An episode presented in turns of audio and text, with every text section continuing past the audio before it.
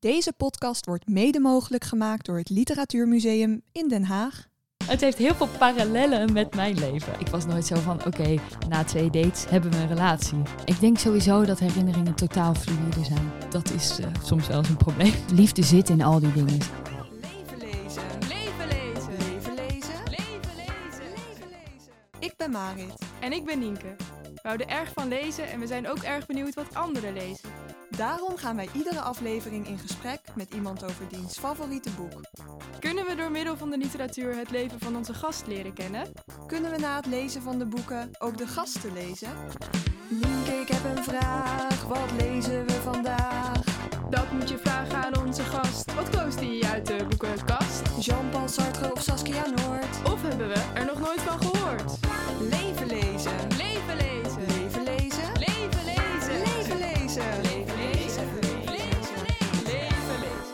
Dag mensen! Hoi, wij zijn er weer. Ja, en dit seizoen op een beetje een andere manier dan anders. We zitten nu niet bij onze gast aan tafel. Ja, klinkt nu echt een beetje als Gijs Groenteman die zegt... ik zit niet onder de hoogslaper van mijn dochter. Maar goed, eh, dat even terzijde. Ehm, niet bij onze gast aan tafel, of eigenlijk nog niet.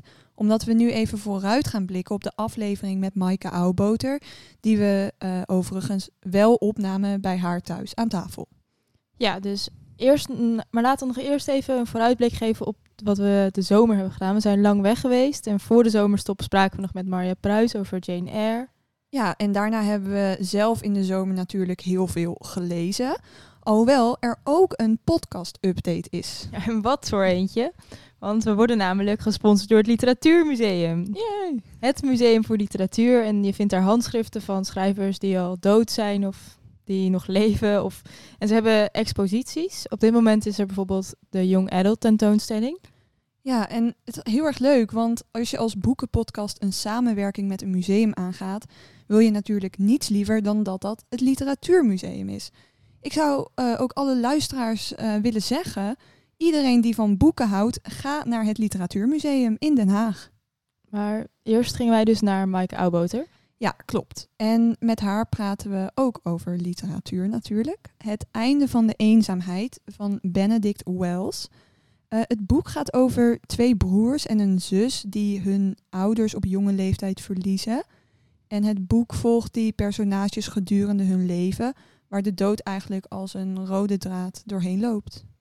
Ja, en het hoofdpersonage is de jonge Jules. En behalve dat het verhaal gaat over het verlies van zijn ouders, gaat het ook over de liefde. Hij komt namelijk zijn jeugdliefde Alva weer tegen en krijgt op latere leeftijd dan een relatie met haar. En het bleek dat het leven van Maaike zelf ook heel veel gelijkenissen vertoonde met het einde van de eenzaamheid. Maar daar zullen de luisteraars in het gesprek straks van alles over horen. Mhm. Trouwens, je zegt nu wel heel leuk, de luisteraars in het gesprek zullen daar alles over horen. Maar ik moet het toch nog even zeggen. Het was best spannend of we deze podcast überhaupt konden opnemen bij Maaike Ouwboter. want jij was een heel essentieel kabeltje van de microfoonset vergeten. Nee, laten we het daar niet over hebben. Het is goed gegaan, want Maaike Ouwboter bleek een, een mega voorraad, ehm, hoe heette die dingen? Voedingsstekkers. Ja, van die Ja. stekkers waarmee je een appara- apparaat in het stroom kan pluggen te hebben. Ja, dat was echt heel fijn. Ze was de redder in nood voor haar eigen podcast. Maar ja, Maaike Ouwboter dus. Ehm, ik denk dat de meeste mensen haar eh, vooral zullen kennen van de beste singer-songwriter van Nederland. Waar ze in 2013 doorbrak met het nummer Dat ik je mis. Ja, en daarna maakte ze nog drie albums, waarvan het laatste Harnas van Glas is. Dat kwam vorig jaar uit en ze bracht dat in een soort boekvorm uit. Waarbij er behalve de cd met elf liedjes ook nog een boek is waarbij, waarin verhalen staan over die liedjes. En omdat die liedjes gaan over Maaike's leven, verhalen over haar eigen leven. Ja, klopt. En ehm, op dit moment toert zij met Erik Corton langs theaters. En samen spelen ze die liedjes van dat album van Harnas van Glas. Maar daarnaast gaan ze ook met elkaar en met het publiek in gesprek over die liedjes en over het leven. En ja, Mike is dus volgens mij iemand die heel erg houdt van gesprekken voeren met verschillende mensen. Wat best wel handig is voor podcastmakers. Ja, dat is waar. Wat vond jij eigenlijk zelf van ehm, het einde van de eenzaamheid? Nou, ik vond het wel een heel indrukwekkend boek, omdat je zo nadrukkelijk volgt wat voor zijsporen eigenlijk die verschillende levens kunnen maken door zo'n grote gebeurtenis. En het is eigenlijk ook best wel een verdrietig boek, maar ik vond het eigenlijk bijna nooit echt zwaar, omdat het, terwijl het me wel echt raakte. Ja, de En- lichtheid van het bestaan zat er toch ook. in. Ja. ja. Ja, daar ben ik het wel mee eens. Maar toch moet ik wel toegeven dat ik iets minder ondersteboven was van de stijl van het boek. Ik vond dat de personages een beetje praten in sentimentele wijsheden of zo. Ehm, maar het verhaal was wel echt mooi en het was ook helemaal niet saai of zo. Dus het is misschien een beetje gek om te zeggen, omdat ik zelf dus niet heel erg fan was van het boek. Maar ik zou het boek toch aan mensen aanraden. Want ja, ik snap wel echt waar de kracht van het boek in ligt. Oké. Nou, we gaan in ieder geval eerst luisteren naar het gesprek dat wij hadden met Maaike Auwboter.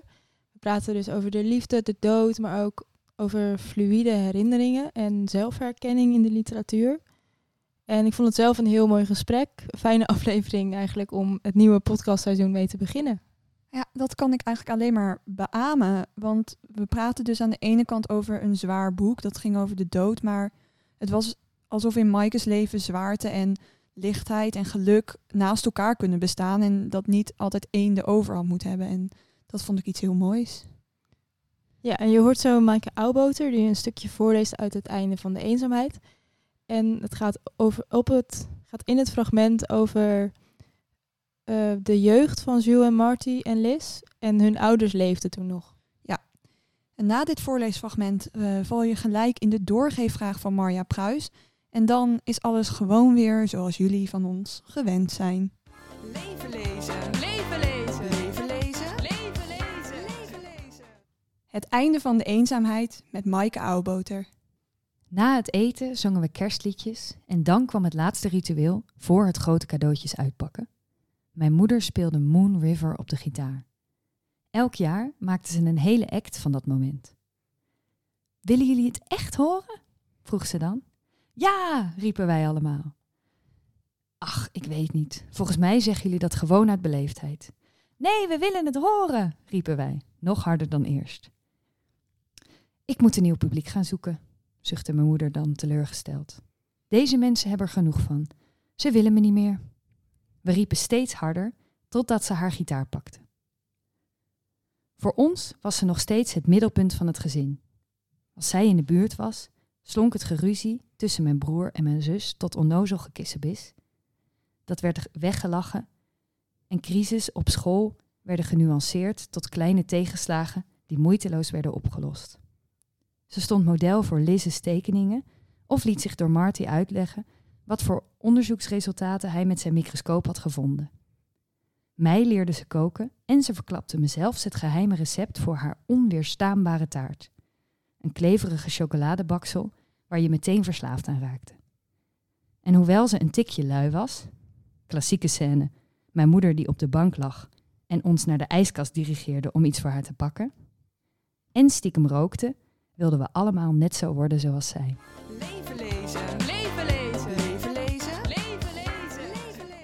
Ja, en voordat we Maaike Auwboter zelf van alles gaan vragen over het einde van de eenzaamheid, hebben we eerst nog de doorgeefvraag. En want iedere, iedere aflevering hebben we dan eh, de gast die vorige week, vorige keer in de aflevering zat, vragen we dan of diegene iets wil vragen. En dat was Marja Pruis, journalist en schrijver. En zij vroeg of muziek voor jou ook als een hogere orde voelt dan de literatuur, omdat ze dat zelf heel erg heeft. En omdat jij natuurlijk in je, bij je CD heb je ook nog teksten geschreven. En of dan tekst en muziek op dezelfde hoogte voor elkaar staan qua kunstvorm, of dat daar verschil in zit. Ja, en ze vroeg volgens mij ook, als ik mag aanvullen, eh, of er dan boeken zijn die me net zo weten te raken als muziek dat kan doen. Ja, Toch? klopt. Vond ik een moeilijke vraag. Ehm, en ik denk, ik had er nooit zo over nagedacht, moet ik eerlijk zeggen. Maar ik snap wel wat ze bedoelt. Ehm, met dat, dat muziek voor haar, eh, dat ze dat hoger waardeert als kunstvorm. Ik weet niet meer precies hoe ze het omschreef. En ik denk dat dat te maken heeft met dat er bepaalde dingen, hoe hard we ons in de kunst ook eh, ons best doen, is het moeilijk om sommige dingen in woorden te vatten. En ik denk dat muziek en melodieën kunnen dat doen op een manier dat woorden dat niet kunnen. Dus, dus ik eh, ervaar wel wat ze bedoelt. En ehm, een liedje kan je in heel korte tijd helemaal meenemen of, of raken of eh, aan het huilen brengen of, of zielsgelukkig maken. En boeken kunnen dat ook, alleen doen ze daar denk ik veel langer over. En ik moet zeggen dat ik zo geraakt als ik door eh, liedjes ben, word ik misschien niet echt door boeken, maar wel op een andere manier. En bijvoorbeeld het einde van de eenzaamheid ehm, heb ik nu uiteindelijk gekozen omdat me dat zo heel erg raakte op een eh, in mijn buik en niet in mijn hoofd. En dat eh, soms kan je iets interessants lezen en dat, dat voelt dan alsof dat je hoofd ingaat. En, en dit boek raakte me ook op een, eh, op een buikniveau. En ik weet nog dat de geschiedenis van de liefde van Nico Kraus dat ook deed. En ik weet niet meer waarom, want ik weet niet meer precies waar het allemaal over gaat. Maar dat zegt dus wat. Dus er, er is een wereld in mij blijven hangen. Door, doordat ik dat boek heb gelezen. Uh, en ik had het boek van Maartje Wortel. en dat heet, dat is een mini boekje. En dat heeft ze in een soort artist in residence ik denk dat je de groef bedoelt. Nee, ik bedoel Oh, goudvissen, goudvis en, en beton. beton. Ja. En, het, en dat vond ik een, een fascinerend boekje, omdat daar zegt ze volgens mij, of daar staat ook van, je moet het niet willen begrijpen, je moet er gewoon induiken. En dat is denk ik sowieso wat, wat kunst soms kan doen. Je moet het niet, en wat het leven ook soms is, je moet het niet altijd willen begrijpen, je moet er gewoon induiken. En dat had ik met dat boek ook. Ik kan ook echt niet uitleggen waar dat nou over ging. Maar dat heeft me wel eh, anders eruit geslingerd dan toen ik er aan begon. En kun je dan omschrijven wat dat precies met je buik doet? Nou, zoals, zoals melodie of zoals liedjes je kunnen raken. Dat je in een, ja, ik heb altijd als ik geraakt word, of het nou van, uh, van puur geluk is of van verdriet, moet ik huilen. Ik huil heel makkelijk en heel snel. Uh, dus, uh, en, en dus dat doet het eigenlijk. Um, maar het is heel moeilijk om dat gevoel in je buik, om dat te beschrijven. Maar er gebeurt iets, ja. En het einde van de eenzaamheid, heeft je dat dan op eenzelfde manier geraakt als muziek? Of toch nog ergens op een andere manier? Ja, het is toch anders. Ik denk dat, ik denk dat ze daar wel gelijk in heeft, ja. Het is toch wel... Het is anders of een melodie naar binnen gaat... of dat je, of dat je in een verhaal terechtkomt. Ja. En waarom heb je voor uh, dit boek gekozen als je favoriete boek? Uh, ja, ik moet bekennen dat ik dat ook weer even terug moest, uh, terug moest lezen. Ik heb het boek nog een keer gelezen. Om te denken, waarom vond ik dit ook weer mooi? Maar het is me bijgebleven dat het me helemaal mee heeft genomen. En, ik, en toen ik het las, dacht ik, oh ja, uh, het gaat inderdaad over eh, de dood. En, uh, en, en die ken ik goed. Ik zou niet zeggen dat we goede vrienden zijn, maar toch goede bekenden. En, uh, en ik vond het op een bepaalde manier heel herkenbaar. Maar ik vind vooral ook, want ik, heb, ik ben nadat ik dit boek heb gelezen, gelijk al zijn andere boeken gaan lezen van Benedict Wells. En dat vind ik altijd een goed teken, want dat betekent, ik vind dat hij heel prettig schrijft op een manier waardoor ik niet meer bezig ben met dat ik aan het lezen ben. Ik heb nou even getwijfeld over het boek van uh, uh, Ruiz Safon, uh, de, de oh, Schaduw van de Schaduw Wind. van de Ja. Wind. Dat vond ik namelijk ook een prachtig boek. Maar daar heb je al meer, daar zitten hele mooie zinnen in. En daar kan ik soms blijven hangen met, oh wat een mooie zin. En hier eh, was ik helemaal niet meer bezig met zinnen, maar zat ik gewoon in die wereld en had ik het gevoel dat ik al die mensen kende en dat het uh, ook mijn leven was. Of zo. Ja, ik heb de andere boeken van Benedict Wells ook even opgezocht en die gaan ook best wel veel over de dood. Is dat dan iets waar je veel over leest ook? Of? Ja, ik denk onbewust wel. Uh, ik, ik, ik schrijf ook, of laat ik het zo zeggen, ik ben bekend geworden met uh, Dat ik je mis. Dat was een lied dat ging over missen. Dat ging niet over de dood voor mij. Dat ging, dat ging over verlangen, over missen.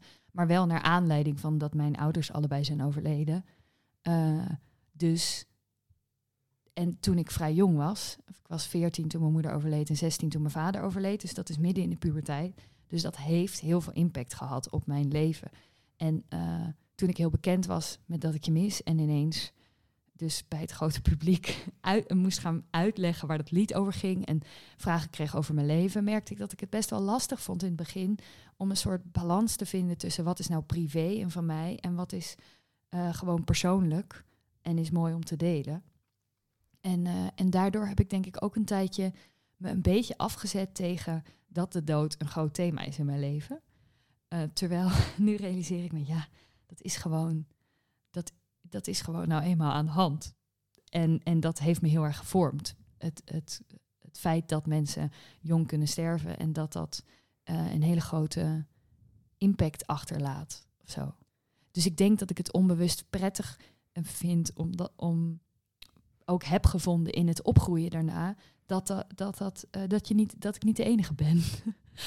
maar ehm, eh, nou denk ik ook wel, want ik kreeg ook veel vragen over. We leven best wel denk ik in een maatschappij waarin er ook veel mensen, eh, en dat is wel aan het veranderen denk ik, maar waarin er veel mensen vroegen, oké, ja, heftig allemaal, heb je ook wat gezelligs? Oh. En ik denk dat is bij mij best wel veel gevraagd. En, en eh, het moet ook allemaal wel, weet je wel, prima, een beetje verdriet. Maar daarna mag het ook wel weer vrolijk, moet wel gezellig zijn. En eh, terwijl als je echt goed naar verhalen gaat kijken, zelfs de gezellige Disney-films, beginnen altijd met dat er, er gaat een ouder dood, er gaan twee ouders dood. Eh, op een of andere manier is dat in heel veel verhalen een, een, eh, een factor of zo. En in dit boek een hele grote factor, want het gaat hier heel erg over. Maar het, gaf- het stelde mij ook wel gerust. Oh ja, dat hoort gewoon bij verhalen, omdat het gewoon bij het leven hoort. En dat is, eh, ja, dat denk ik ook dat dat zo is. En het is fijn om dat in boeken terug te lezen. Ja, dus een bepaalde ma- mate van herkenning. Waarom dit boekje ook zo aangrijpt misschien. Ik denk het wel, ja, ja. En heb je in het algemeen dat je eh, het meest houdt van boeken waarin je kunt herkennen? Ehm, dat is wel interessant. Daar, zat ik ook heel erg over na te denken. Want een vraag die ik later wil stellen, heeft daar ook mee te maken. Mm, ehm, dat weet ik niet zo goed. Ik denk, het ik denk wel dat het prettig is om op zoek te gaan naar herkenning. Maar je kan je wel op heel veel verschillende manieren herkennen in iets of iemand. Eh, ik hou bijvoorbeeld ook heel erg van de verhalen van Toon Tellegen, de dierenverhalen. Ook omdat daar een bepaalde herkenning in zit. Alleen nog niet zo één op één als bijvoorbeeld Alleen zo'n precies verhaal, ja. niet, omdat ik ook een vriend heb die een egel is. Ja. ja. Dus ik denk wel dat eh, dat, dat meespeelt in, eh, eh, in of iets je raakt. Ja. Ja, want je hebt wel een vriend en die kende jou van de middelbare school. En dat is ook iets wat parallel loopt aan je eigen leven en aan ehm, het boek. Namelijk, het hoofdpersonage Jules komt uiteindelijk terug met zijn jeugdliefde Alva. En tijdens jouw middelbare schooltijd was je ook verliefd op iemand waar je nu samen mee bent. ja, ik realiseerde me ook dat het is inderdaad echt zo. Ik heb dit boek dus gekozen omdat het me raakte vanuit een, dus een onderbewustzijn. En toen ik het dus terug ging lezen, eh, dacht ik, oh, dit is, dit is wel heel erg. Het heeft heel veel parallellen met mijn leven. Laat Ja. ik zeggen, het is niet één op één dat ik mijn eigen leven zit te kijken. Hoop ik, want eh, eh, dat zou geen goede... eh, Nee, Geen liever niet. afloop, nee. Nee, geen goede, liever niet.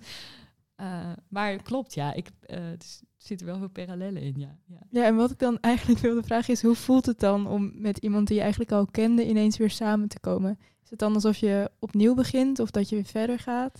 Allebei eigenlijk. Ik vind het, eh, eh, het, het voelt, het is sowieso heel fijn dat we samen zijn. En ik merkte, ehm, eh, alles wat ik hierover zeg klinkt altijd cliché, maar is zo waar.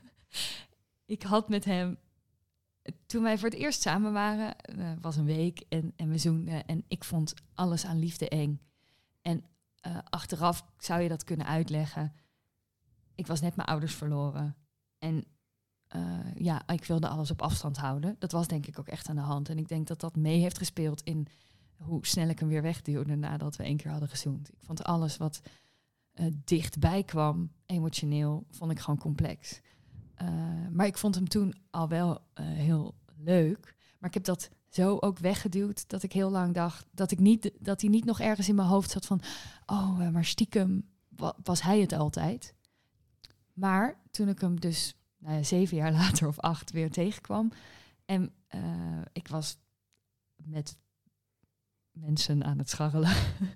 en, eh, en ik was, niet, ik was nooit zo van, oké, na twee dates hebben we een relatie. Integendeel, ik, ik deed daar vrij rustig over. En toen eh, waren wij elkaar tegengekomen. We hadden wat koffie gedronken. Dat duurde wel een jaar. En toen zoenden we. En toen was het gewoon helemaal goed. Het was zo eh alsof, het was in die zin wel echt thuiskomen. En of dat te maken heeft met dat we elkaar al kenden, of dat het gewoon klopt. eh, dat, dat, daar weet ik het onderscheid niet tussen, omdat ik dit verder nooit met iemand heb gehad. Eh, dus ik heb geen vergelijking met als, hij niet, als ik hem niet al zou kennen van vroeger. Maar het is wel heel fijn dat hij mij al kende en dat, dat we elkaar eigenlijk al kenden van toen we zo nog jong waren. En, en, en dus dat je elkaar, dat je ook die, die kern al kent of zo. Dat is, dat is wel heel, eh, heel bijzonder. Ja. ja. Maar ik ben, ik ben heel blij dat we elkaar weer zijn tegengekomen. En dat het blijkbaar nu wel de tijd ervoor was. Dat gaf me ook wel weer vertrouwen in de wereld. Van oké, dingen lopen op een bepaalde manier. En sommige dingen zijn verschrikkelijk. Maar uiteindelijk ja, komen daar ook weer andere dingen uit voort. En is dat weer fantastisch, weet je wel. Dus ehm, ja. Ja. En je zegt dus de eerste keer dat je hem eigenlijk ontmoette, ehm, dat je toen je ouders net was verloren. Ehm, en dat is natuurlijk ook het andere parallel met het boek. En in het boek zijn er drie broers en zussen die allemaal heel anders omgaan met die dood. Ehm, en zo wordt Jules heel erg teruggetrokken, het hoofdpersonage. En Liz, eh, die gaat eigenlijk heel losbandig leven en verliest zich daar helemaal in. En dan heb je nog de broer Marty en die verdwijnt eigenlijk in heel hard werken en heel hard studeren. hoofd, ja. Ja. Ehm, dus je zou misschien kunnen zeggen dat ze allemaal één karaktereigenschap heel erg worden of zo. Ja. Is er bij jou ook een deel van jouw karakter vergroot na, na dat verlies? Ja, en ik denk dat ik ze alle drie herken ook. Dat, dat, dat is, en dat vind ik ook goed geschreven aan dit boek. Het worden inderdaad die drie personages belichamen eigenlijk drie, eh, drie vormen. Dat zijn ze lang niet allemaal. Maar om, om, om zo hoe je om kan gaan met dat verdriet of omgaan, hoe het je invloed op je kan Ja. hebben. Ehm, en dan heb je natuurlijk nog Alva die weer heel anders daar, eh, daarop reageert. En ik herken ze allemaal wel. En in verschillende fases eh, ben ik ze ook allemaal wel geweest, denk ik. Waar begon het Eh, mee? Eh, dat is een goede vraag. Ik denk dat het, dat het voor een deel. Het, het begon wel met mijn emoties, maar ik weet niet wie van de drie. Ik, ik wilde zo graag gewoon normaal zijn. Dus het begon met gewoon doorleven en denken: Nou, er is het wegstoppen van alles wat te ingewikkeld werd. Dat ik, ik uitte het wel en ik was ook wel heel veel verdrietig, maar ik wilde ook gewoon ook een middelbare scholier zijn die eh, ja, die net als alle anderen zich druk maakt om futiliteiten, Ja. die op dat moment helemaal geen futiliteiten zijn. Ehm, dus ik denk dat dat een tijd is geweest. En ik denk wel dat ik me heb teruggetrokken, emotioneel gezien. Eh, en, maar als iemand daar dan een opmerking over maakte, dan vond ik dat heel irritant. Dan dacht ik, dat is helemaal niet zo. Als iemand zei dat je teruggetrokken Ja. was. Of... Ja, dan dacht ik, ik ben helemaal niet teruggetrokken. Ik ben hartstikke open. Ik was ook open, maar tot een bepaald punt. En niet of over bepaalde onderwerpen ja, niet. precies. Ja, dus, dus het, ik kon wel de schijn wekken van openheid. Het is niet dat ik eh, op mijn in die zin niet zo terugtrok dat ik op mijn kamer ging zitten en dat niemand meer meer zag. Maar meer niet echt bereikbaar. En dat is denk ik een ander soort teruggetrokkenheid, ja. En heb je ook bijvoorbeeld zo'n fase van Lis gehad van heel erg losbandig leven? Ja, ook zeker. En dat is denk ik meer gekomen tijdens mijn studententijd. Daar heb ik me ook wel, daar heb ik echt heel veel fijne mensen ontmoet. Maar tegelijkertijd me ook wel eenzamer gevoeld. Omdat ik toen merkte, oh, er zit nog een hele hoop dingen. Verdriet of een hele hoop emoties die ik helemaal niet de ruimte heb gegeven. En, eh, en ik heb ook helemaal geen zin om dat te doen. Dus ik, ik merkte het wel. Maar ik was er nog niet klaar voor om die ruimte te geven. Maar ze begonnen wel zo aan, de, aan het oppervlak te kloppen. Zo, hallo, wij zijn er allemaal. en we gaan je niet met rust laten. En, en toen heb ik wel eerst een periode nog dat, eh, ja, maar gewoon eh, losbandig geweest tot op zekere hoogte. Want ik ben nooit echt aan de drugs gegaan. Of het is allemaal zeer eh, schadeloos gebleven.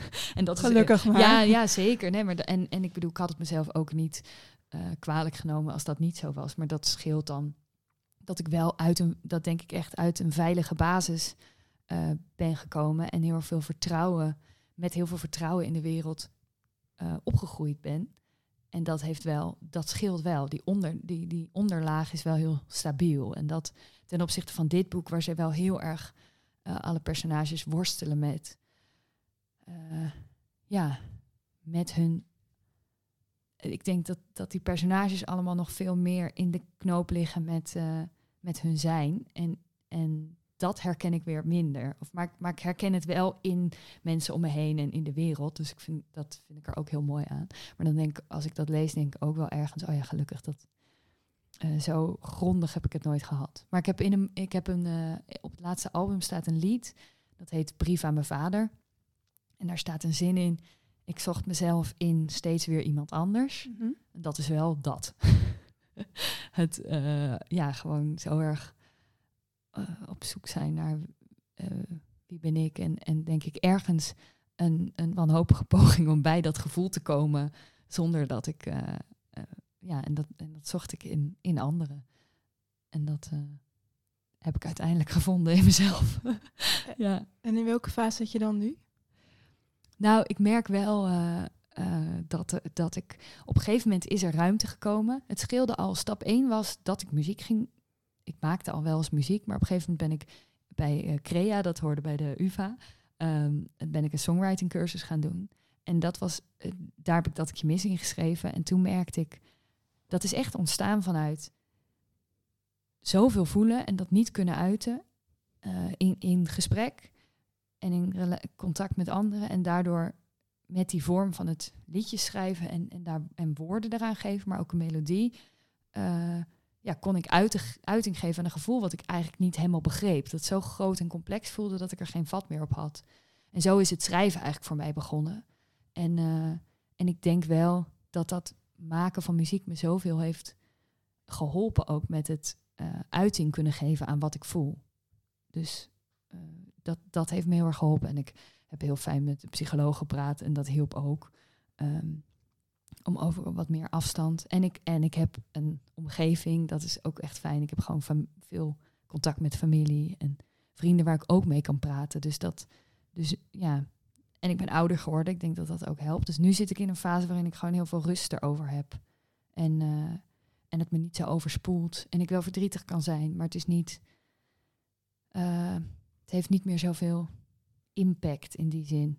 En realiseer ik me nu juist hoeveel ik wel heb. Weet je, er zijn ook mensen met ouders die eh, een stuk meer zoekende zijn. En ik heb zoveel andere mensen die ook weer, niet om ze te vervangen, maar die wel op hun eigen manier dicht om ons heen staan of zo. Dus eh, ik realiseer me, ik zit nu in een, in een fase waarin ik me vooral realiseer hoe rijk we eigenlijk zijn met alles wat we hebben. Ja. Mooi. ja. Leven lezen. Leven lezen. Leven lezen. Ehm, het viel Nienke en mij eh, op dat ook de herinnering van Jules, eigenlijk zijn laatste herinnering aan zijn vader, steeds een beetje veranderde. En ook wat hij dan aan Alfa vertelde, de ene keer was het ruzie, dan was het een vakantie. En we vroegen ons af of zo'n laatste herinnering bij jou ook iets is wat verandert. Of dat fluïde is of eigenlijk iets wat vaststaat. Eh, ja, ik denk sowieso dat herinneringen totaal fluïde zijn. Eh, dat komt ook, mijn geheugen is al niet zo heel chronologisch. Ik vind het heel moeilijk om feitelijk me dingen te herinneren. Eh, dat is eh, soms wel eens een probleem.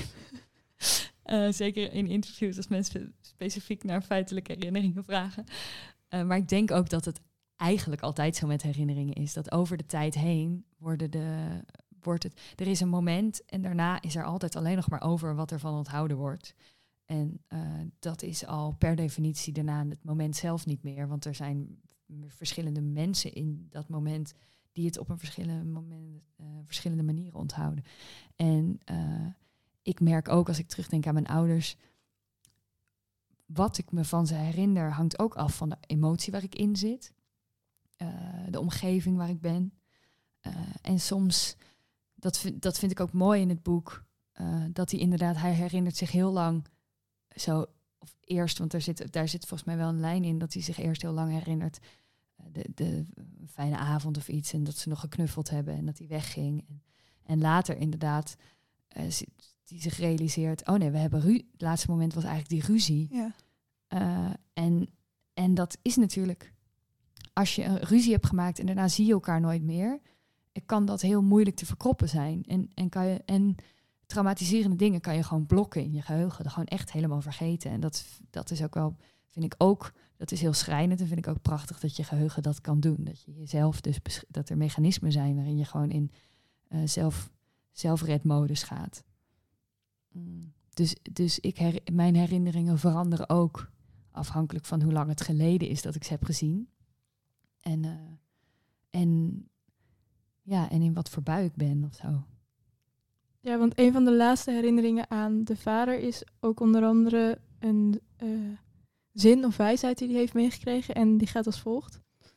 Hij zei dat het belangrijk was dat je een echte vriend had, een zielsverwant. Iemand die je nooit kon kwijtraken, die er altijd voor je was. Dat was veel belangrijker dan liefde, zei hij. En ben jij het daarmee eens dat vrienden ehm, belangrijker kunnen zijn dan eh, je liefde?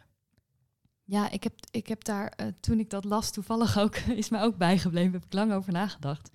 Omdat ik denk, eh, daarmee zet hij het ergens, eh, zet hij liefde als iets anders dan een vriend die altijd bij je is. En voor mij zijn die dingen veel meer verweven met elkaar. Ik zie liefde niet als.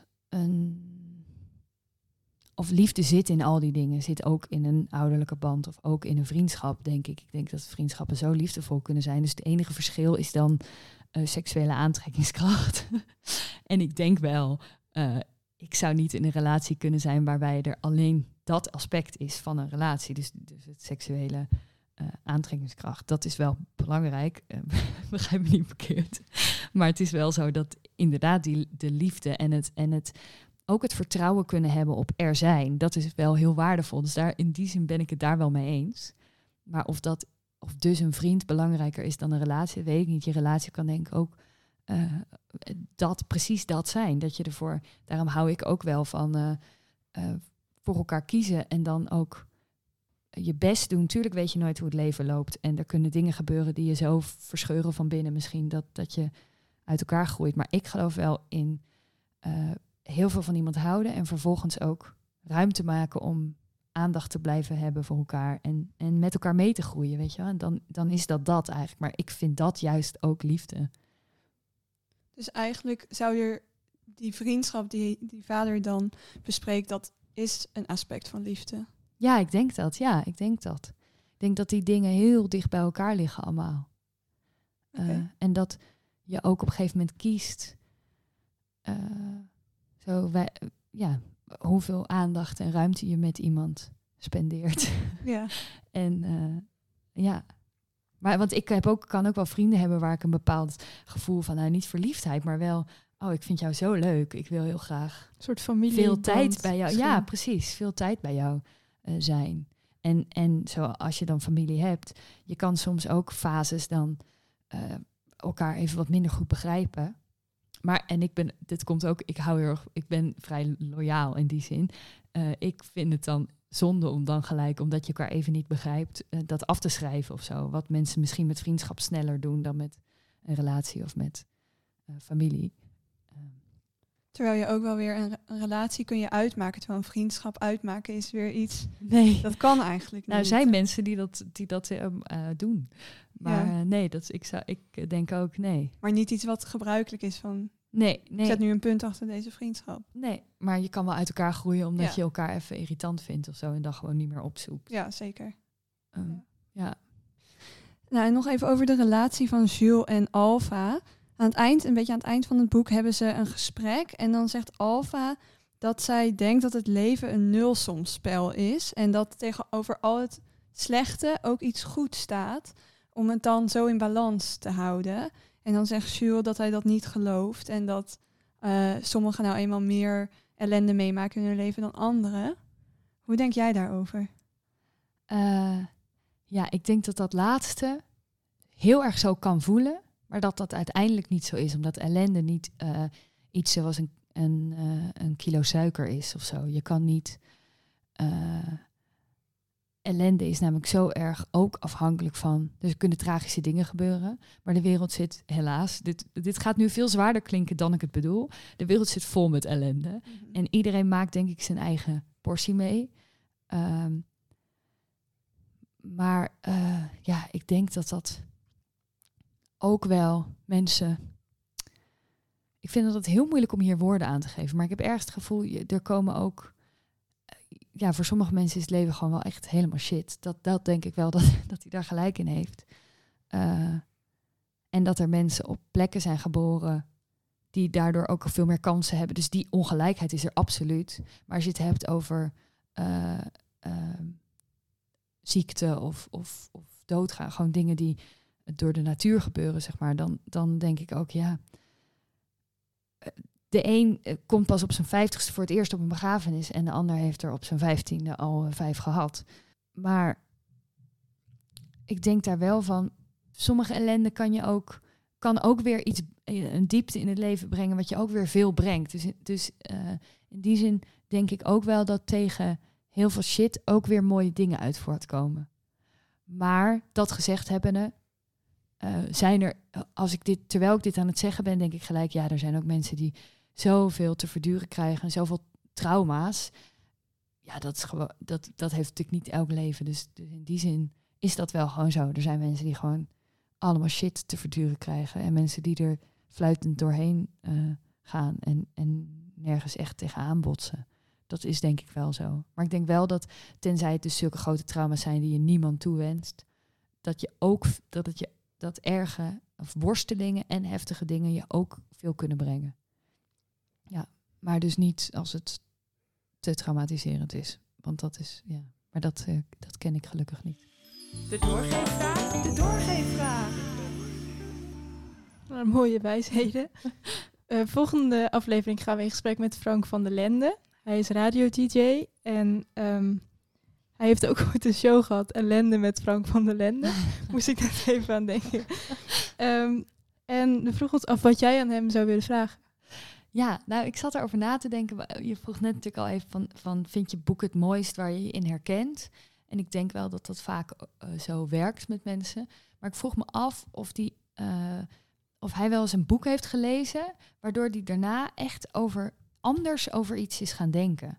Dat hij, dat hij iets las waarvan hij dacht, oh, nu, nu, eh, nu, nu kijk ik daar toch anders tegenaan dan ik voor het lezen van dit boek deed.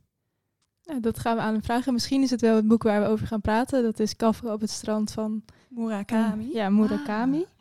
Ehm, en nu hebben we nog een cadeautje van de uitgeverij, van uitgeverij Meulenhof. Ehm, die ga ik zo uit mijn tas pakken. En die, Spannend. toen zij er namelijk achterkwamen dat we dit boek met jou gingen bespreken, toen hebben ze het nieuwste boek van Benedict Wells opgestuurd om aan jou te geven. Ja. Dus eh, bij deze. Oh, wat lief. Ja, die is net uitgekomen. Ja. Dus dan is eh, je collectie misschien wel weer compleet. Yes. Oh, wat cool. Heel eh, leuk. Bedankt voor het luisteren naar deze aflevering van Leven Lezen. Wil je meer afleveringen beluisteren? Volg ons dan in je favoriete podcast-app. Heb je een vraag? Of wil je ons gewoon iets laten weten? Stuur dan een mail naar levenlezen.gmail.com. Je kunt ons ook volgen op Instagram en Twitter. Tot de volgende keer!